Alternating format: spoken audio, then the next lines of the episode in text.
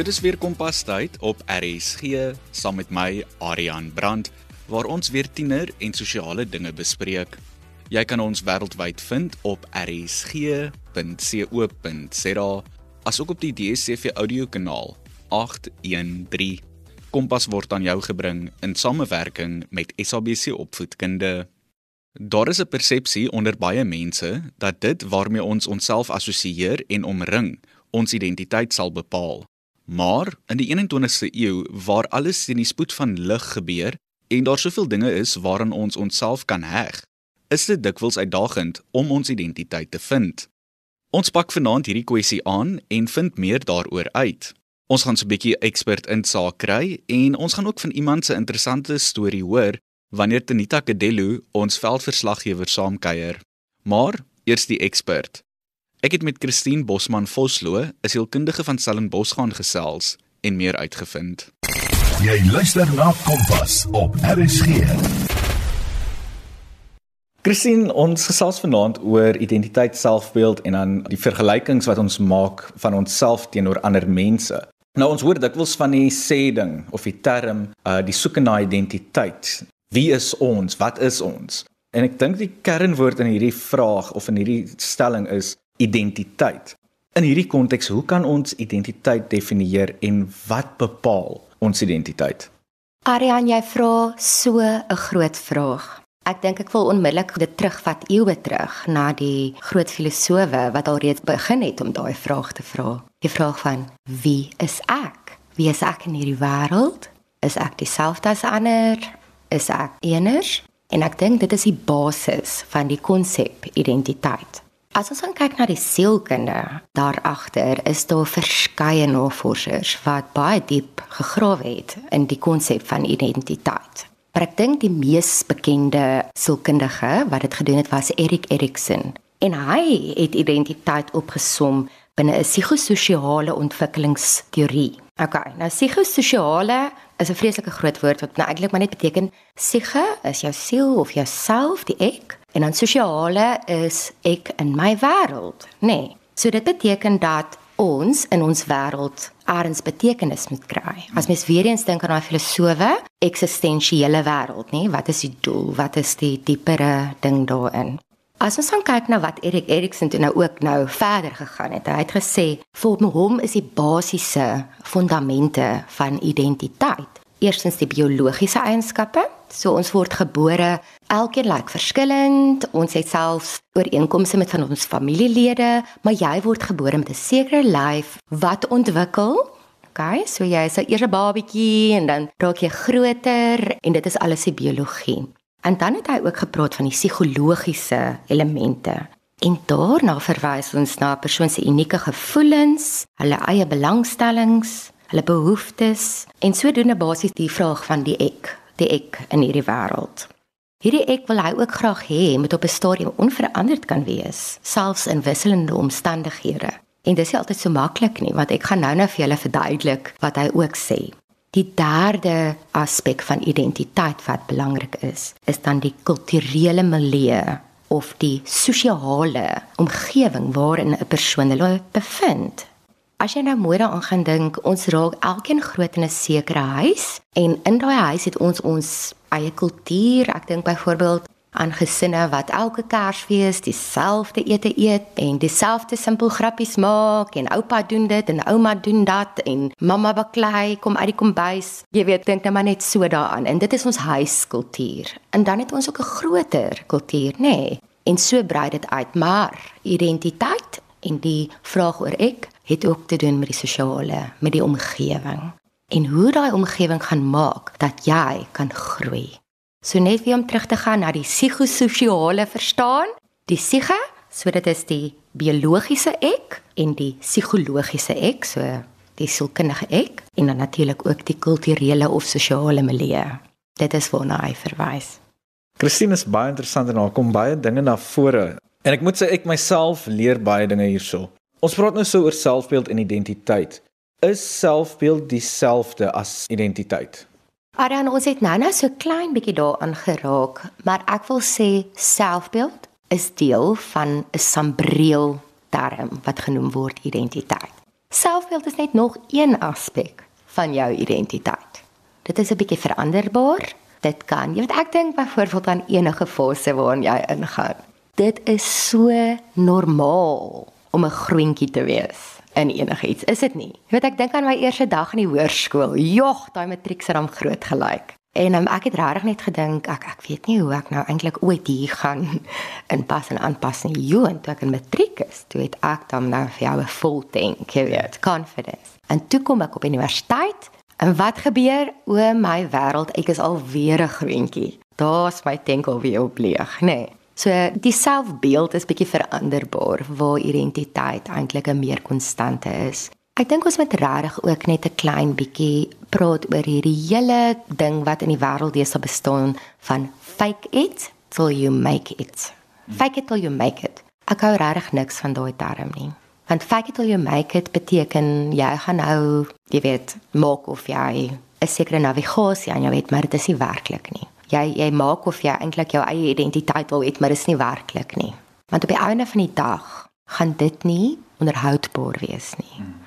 Absoluut. Uh daai ontgroening en daai hele proses van net wees waar jy een oomblik die soos hulle in Engels sal sê die main peanut in 'n pakkie is en dan skielik net so in 'n oogwink is jy weer heel onder.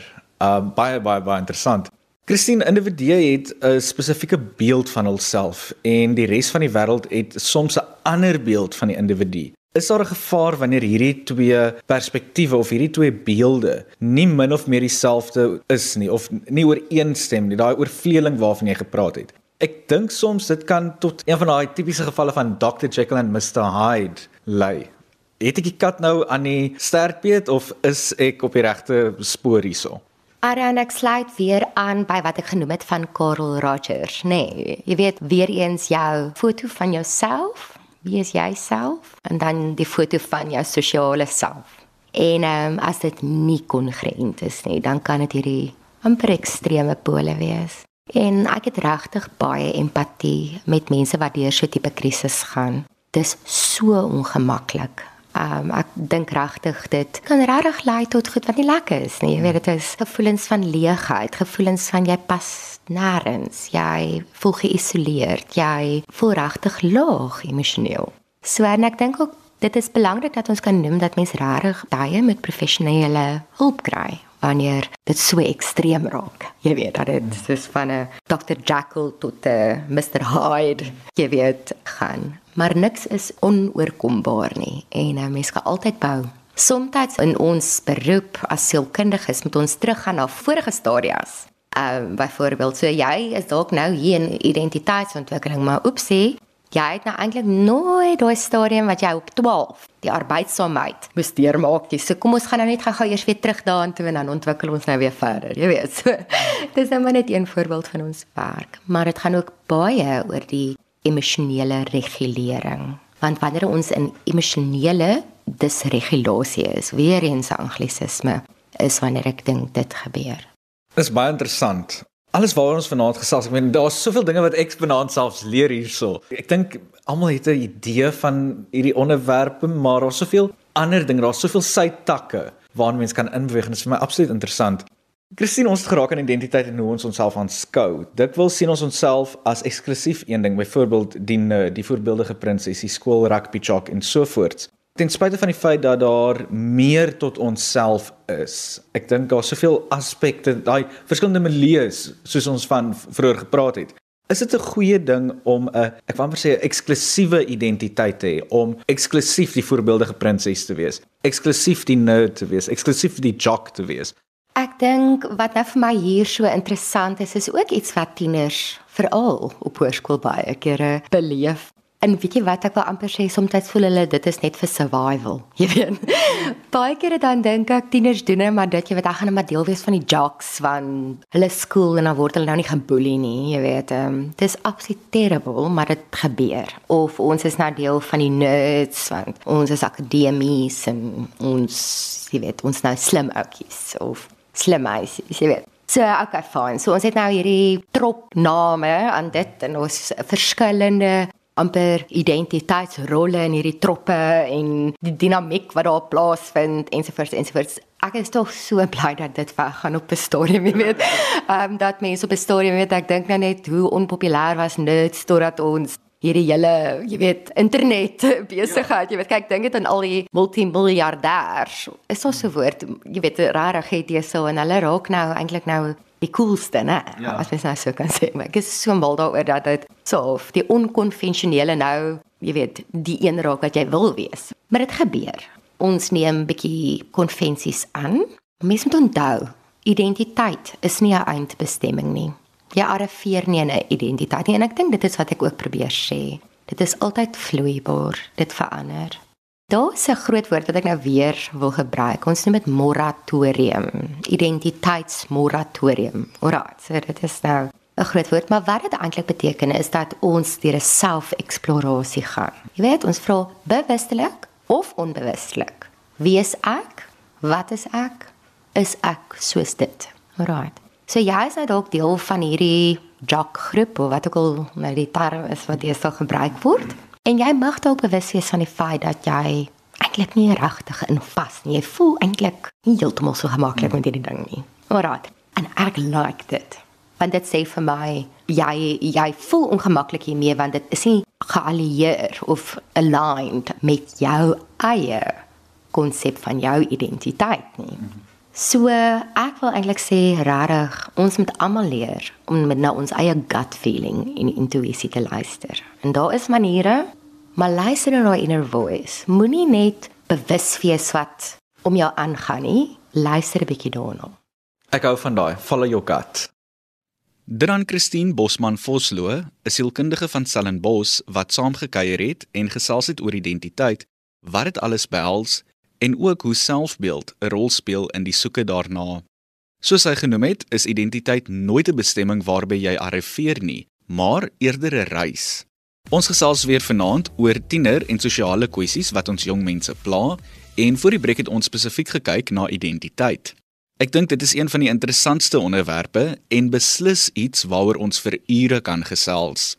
Nou, soos my gas vroeër genoem het, is daar verskeie milieus wat ons identiteit vorm en bou. Ons kultuur, erfenis en herkoms is sekerlik 'n paar van hulle. Maar wat as dinge verander? Ek dink nou byvoorbeeld aan 'n storielyn in die immers gewilde Amerikaanse TV-reeks Modern Family, waar 'n jong Vietnamese dogter aangeneem word deur 'n Amerikaanse gay paartjie. Tenita Kadelo, ons veldverslaggewer, het van 'n soortgelyke storie op plaaslike bodem gehoor en 'n bietjie meer gaan uitvind. Identiteit en identiteitskrisisse is een van daardie onderwerpe wat 'n konstante vertrekpunt onder die jeug is. Mits dit in jou vroeë tienerjare is of in jou middel 20er jare, het jy al op 'n kol jou identiteit ondersoek en jouself moontlik bevraagteken oor 'n identiteitskrisis. Ek kuier vanaand by Hiromi Shigeaki en ons gesels bietjie oor sy hibriede identiteit en hoe sy grootwordjare bygedra het tot die vorming van sy identiteit. Jy het 'n baie unieke naam hier, Rumi. Vertel ons bietjie waarvandaan dit kom. Net so 'n bietjie agtergrond oor wie ek is. Ek is gebore in Kaapstad en ek het groot geword in Woester. Ek het my biologiese ouers verloor op 'n baie vroeë stadium.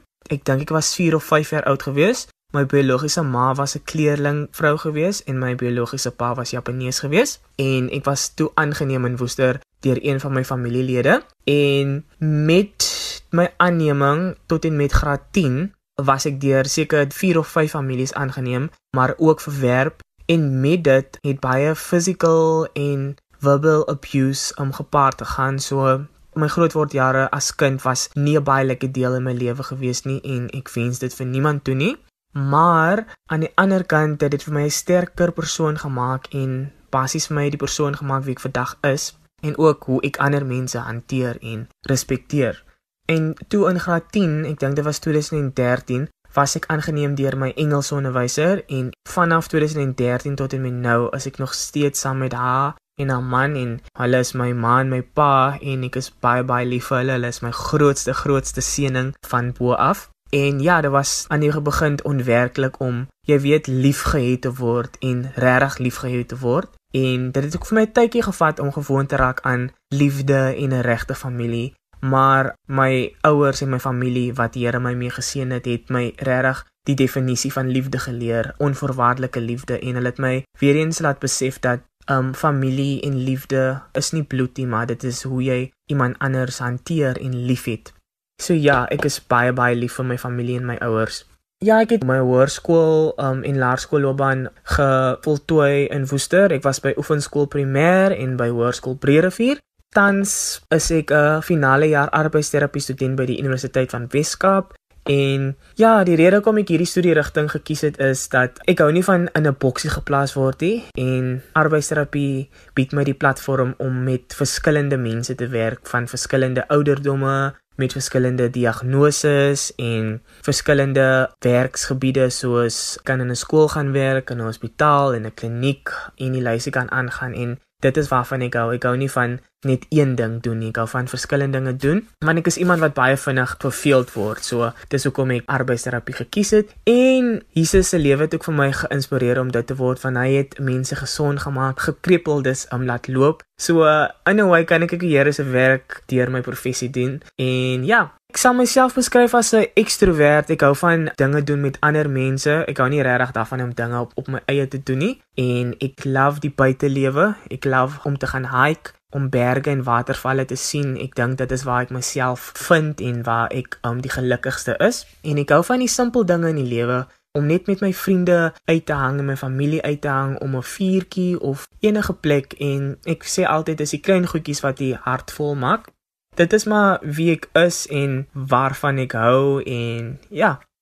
Hoe het die gemeenskap waarin jy groot geword het en jou grootmaak ouers gehelp om jou identiteit te vorm? Vir my identiteit is wie ek is as mens en hoe ander mense my identifiseer as 'n individu En ek sal sê definitief ek voel dat ehm um, die gemeenskappe waarin ek opgegroei het en die mense en vriende wat ek ontmoet het en natuurlik my familie en my ouers, dit alles help my om die vraag te beantwoord oor wie ek is en my identiteit, uh, my persoonlike identiteit. En my gemeenskap het my identiteit um, help vorm in die opsig dat jy kan bo jou omstandighede uitstyg. Um jy kan word wat jy wil word as jy net al jou mental energy op dit sit. Weet in die gemeenskappe wat ek in groot geword het, is daar mense wat um suksesvol is, daar's mense wat in beroepe is en dis lekker om dit te sien want dit gee vir jou ook nuwe hoop en lewe en hulle is net weer eens 'n voorbeeld dat dit kan gedoen word en dit het ook weer gehelp met my identiteit of om deel te word van my identiteit My ma het my geleer dat ander mense se opinies en wat hulle van jou dink definieer nie wie jy is nie en jy moet nooit dat wat mense vir jou sê um jou beïnvloed of jou dag beïnvloed nie. Dit het weer deel van my gevorm en hoe ek situasies hanteer. En ook baie van my van wie ek is en wat ek is um is as gevolg van my ouers in terme van wat hulle my geleer het in die huis en wat ek selfs geobserveer het. So in terme van hoe 'n man sy vrou moet hanteer, dit ek weer by my pa, jy weet gesien en hoe hy met my ma is en dit het weer deel van my identiteit gevorm en hoe ek my vrou eendag sal hanteer en lief hê en selfs my kinders lief hê eendag. Ja, my ouers het 'n baie goeie en groot fondasie gelê as dit kom by my identiteit en wie ek is. En ja, hulle het altyd vir my geleer en gesê dat ek moet nooit settle vir second best nie. Ek moet altyd gaan vir die beste te streef want ek hoef nie vir enigiets voor te val nie. Ek kan gaan vir my drome en ek moet net hard werk en alles dit het deel geword van wie ek is. My gemeenskap, die skole waarin ek was, die vriende wat ek ontmoet het, die lewenslesse wat ek deurgegaan het, my ouers, my familie, dit almal het gemaak wie ek vandag is en hoe ek ander mense hanteer en die lens waardeur ek die lewe sien vandag. Om dit alles is as gevolg van my gemeenskap en my ouers en almal wat ek mee op pad gestap het. Hoe identifiseer jy jouself met betrekking tot kultuur en ras? Omdat ek deur kleerling families aangeneem was en en ek grootendeels in 'n kleerling kultuur grootgemaak was, dis hoekom ek myself onder die kleerling kultuur sal identifiseer. Um in terme van ras, so obviously verras vir my is velkleur, like watter um ras is jy? Is jy wit, um swart, bruin? Ek sal nie myself identifiseer as enige, jy weet, kleur nie, weens die feit dat my biologiese pa Japanees is en my biologiese ma kleerling was, sal ek sê dat ek uh, in 'n spesifieke kategorie val en ek sal net vir mense sê I'm biracial. Ek het 'n Japaneese biologiese pa wat Japanees was en 'n biologiese ma wat kleerling was. Um en ook ek is geleer om die kleur raak te sien nie en weer eens dit vorm 'n um, deel van my identiteit en wie ek is. Was daar enigsins tye in jou lewe wat jy jou identiteit bevraagteken het? Ek het my identiteit um gevind of wie ek is op 'n baie laat stadium omdat ek nie 'n uh, jy weet 'n smooth life gehad het nie veral in my kinderdae. En ek het altyd my bestaan en menswees bevraagteken wie ek is en het die aarde my nodig en soos byvoorbeeld ook dit was ook vir my baie vreemd geweest ek lyk Japanees maar ek praat Afrikaans. So as ek byvoorbeeld televisie gekyk het en ek sit miskien 'n um, movie aan of 'n sepie en ek sien Japaneese mense of mense wat soos ek lyk, maar hulle praat Japaneese taal of Mandarin of um, wat ook al ons dit nou al noem, dan kan ek myself met hulle identifiseer want ek praat Afrikaans en hulle praat Chinees. En ook in terme van die ouers en die familie wat ek gehad het, like ek het anders te gelyk. Ek het nie soos die kleding mense gelyk nie. My hare, die shape van my oë, dit alles was verskillend van die mense waarmee ek omring was. En ek het baie vrae vir myself gehad oor dit en obviously het ek my identiteit bevraagteken. En ook in terme van my aanneming ek het ook, jy weet, is die die manier hoe mense my hanteer, is dit hoe ek gehanteer moet word en um geskel en gepraat moet word. Wanneer iemand my slaan binne die huis, is dit nodig dat ek 'n blou kol of dat 'n bloed moet tap van my liggaam. Dit is vrae wat ek altyd gevra het en ek het baie gesukkel daarmee. En omdat ek so anders gelyk het, was dit vir my moeilik om jy weet skool toe te gaan veral op laerskool. Want op laerskool was ek baie baie baie gepoelie Um nou nie fisies nie, maar obviously omdat ek anders te gelyk het en ek was altyd hierdie liedjie gesing voor um